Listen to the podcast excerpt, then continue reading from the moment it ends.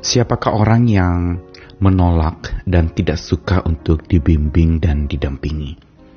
Biasanya adalah orang yang sudah merasa cukup dengan dirinya sendiri.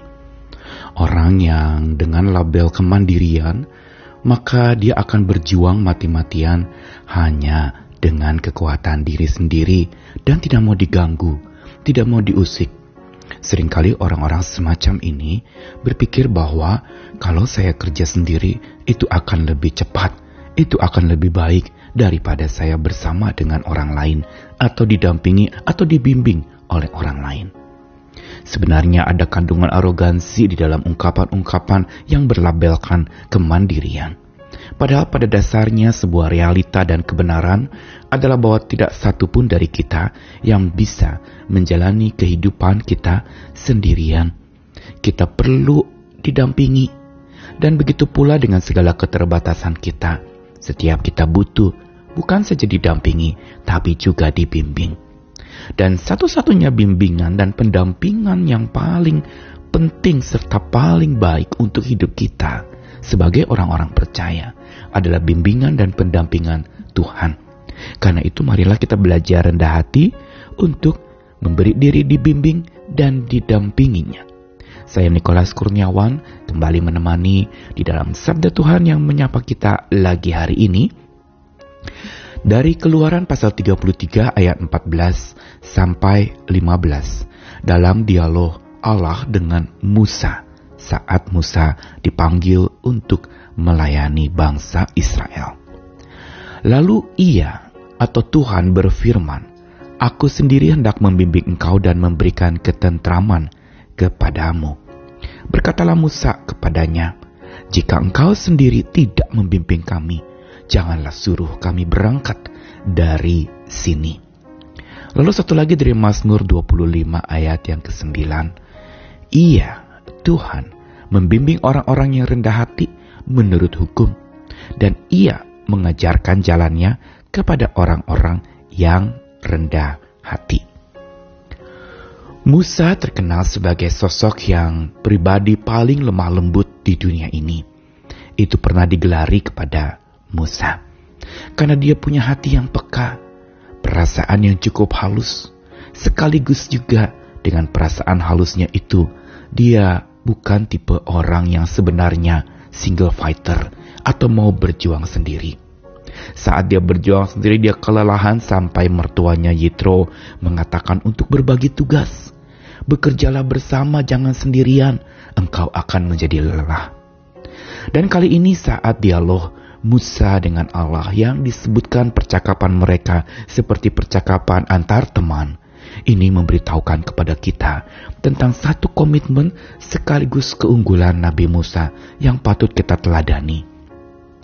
Perhatikan bagaimana dia meresponi jaminan dari Tuhan yang membimbing dan mendampinginya. Dikatakan oleh Tuhan, "Aku sendiri yang hendak membimbing engkau." Kalimat ini mengandung sebuah makna bahwa kalau ada kata "aku sendiri", Tuhan yang akan menemani. Tuhan yang akan turun tangan, campur tangan tanpa perantara. Ketika dikatakan aku sendiri, berarti Tuhanlah yang sungguh-sungguh akan ada bersama dengan orang yang dia bimbing. Makanya waktu dia katakan aku sendiri hendak membimbing engkau dan memberikan ketentraman kepadamu, sebenarnya di dalamnya terkandung ada dua yang Tuhan berikan, yaitu pembimbingannya dan pendampingannya. Dan respons Musa adalah respons sosok lemah lembut yang rendah hati dengan mengatakan jika engkau sendiri tidak membimbing kami. Jangan suruh kami berangkat dari sini. Musa hendak mengatakan bahwa tanpa perantara aku mau engkau sendiri yang membimbing kami. Kita sering kali menjadi orang-orang percaya yang hanya mendengar suara Tuhan dari perantara-perantara yaitu orang-orang yang menyampaikan firman. Mungkin juga renungan-renungan yang kita dengarkan. Mungkin juga dari kata orang kita mendengar tentang Tuhan. Tapi pengalaman bersama dengan Tuhan itu patut dan dapat berlangsung dalam hidup kita. Bila kita menyadari Tuhan sendiri yang mau berbincang dengan kita. Tuhan sendiri yang mau membimbing kita. Tuhan sendiri yang mau betul-betul intervensi dalam hidup kita. Dan di sinilah kita perlu mengalami Tuhan, bukan sekedar dengar dari kata orang, tapi secara langsung kita mengalami dibimbing oleh Tuhan dan itu baru terjadi saat kita tidak bergantung lagi kepada manusia, tidak bergantung lagi pada kekuatan diri sendiri, tidak bergantung lagi kepada apa yang kita harapkan dari dunia ini. Bukankah sudah dikatakan dalam kitab suci, celakalah orang yang mengandalkan hidupnya kepada manusia. Celakalah orang yang menyandarkan dirinya kepada manusia.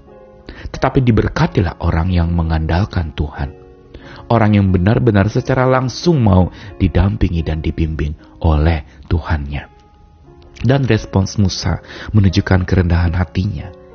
Jangan suruh kami berangkat dari sini kalau bukan engkau sendiri yang menuntun kami. Dan perhatikan bagaimana Tuhan menuntun bangsa pilihannya itu.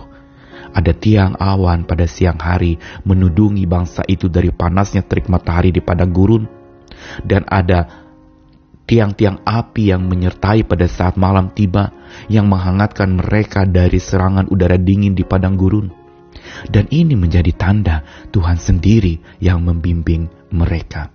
Tinggal sekarang pertanyaannya, maukah kita belajar dari Musa? Rendah hati untuk dibimbing.